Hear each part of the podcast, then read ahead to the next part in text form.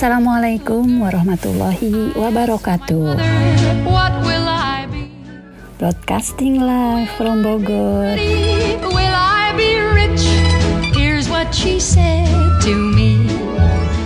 Ini adalah cerita tentang seorang pengguna buku yang sangat populer waktu itu untuk para mahasiswa dan sekolah di era tahun 1990-an yaitu buku dengan judul Our Common Future atau masa depan kita bersama karya Gro Harlem Brundtland atau dikenal juga sebagai The Brundtland Report atau laporan Brundtland. Siapa itu Gro Harlem Brundtland?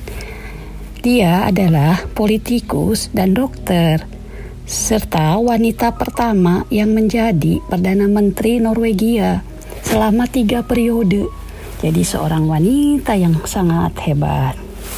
Buku ini tebalnya 383 halaman, dipublis di bulan April 1987 oleh Oxford University Press di UK. Our Common Future menekankan pentingnya keberlanjutan ekonomi dan ekologi dan pentingnya menjaga keseimbangan antara produktivitas ekonomi dan daya dukung lingkungannya.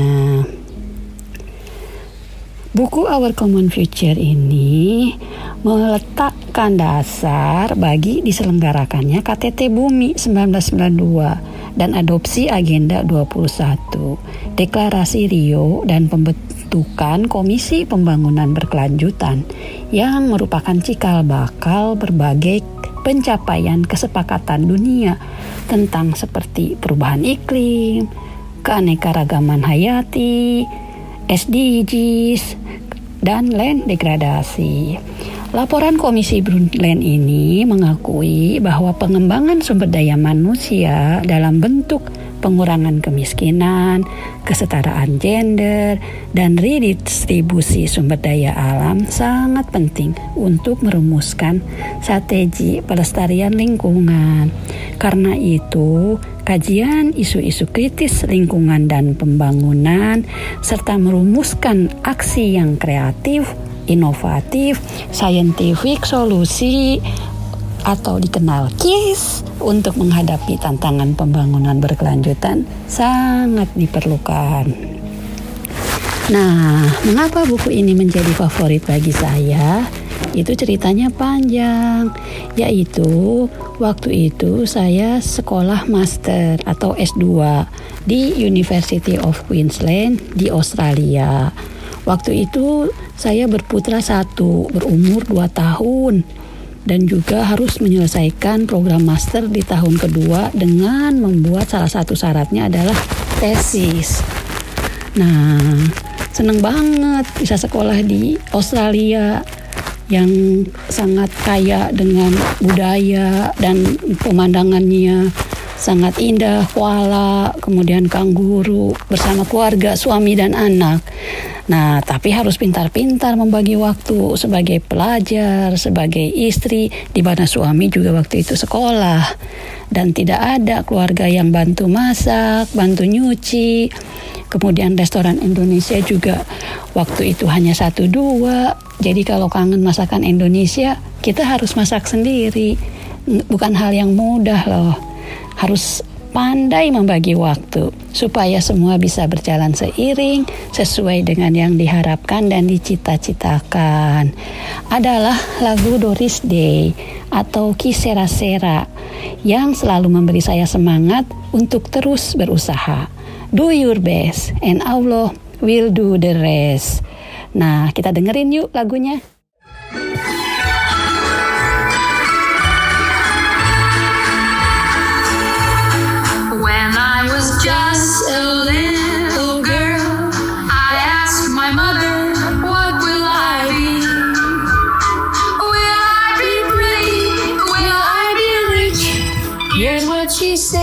de mim. Quem será? Será? Whatever will be, will be. The future's not ours to see.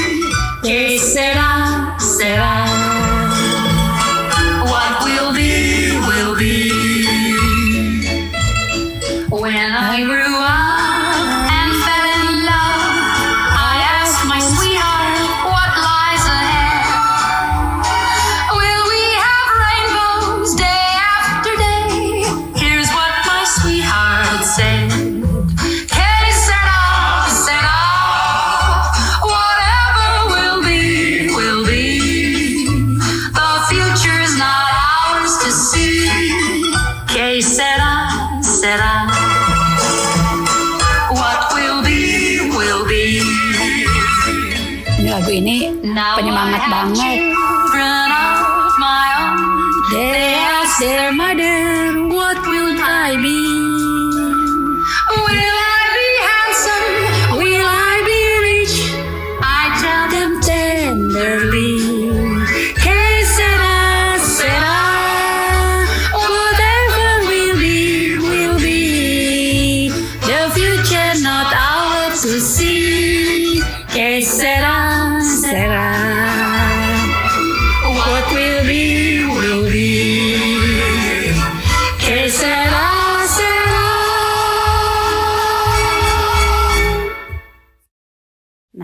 Enak kan lagunya? Lagu itu penyemangat banget loh waktu saya melaksanakan master.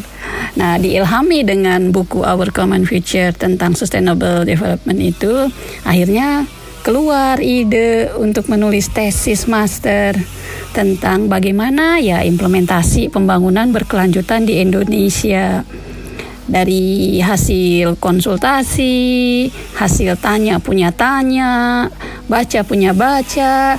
Di Indonesia ada program sosial forestry yang dapat menjadi strategi untuk mencapai pembangunan berkelanjutan di Indonesia.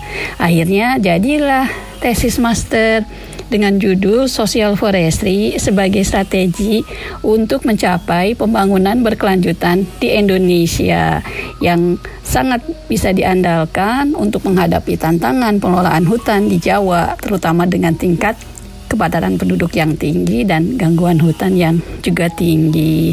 Nah, dengan tesis master ini alhamdulillah nilainya 7 Waktu itu di Queensland itu 1 sampai 7 skalanya. Jadi 7 yang paling tinggi. Seperti di IPB atau di universitas di Indonesia 1 sampai 4 skalanya. Nah, dengan mendapat nilai 7 menjadi kunci untuk mendapat beasiswa melanjutkan ke program doktor di Universitas Queensland juga. Akhirnya eh, suami juga mendapat beasiswa juga tapi dari eh, dari beasiswa yang lain. Akhirnya kita bersama-sama bisa kembali men- meneruskan sekolah S3 kali ini dengan dua putra. Jadi alhamdulillah tetap do your best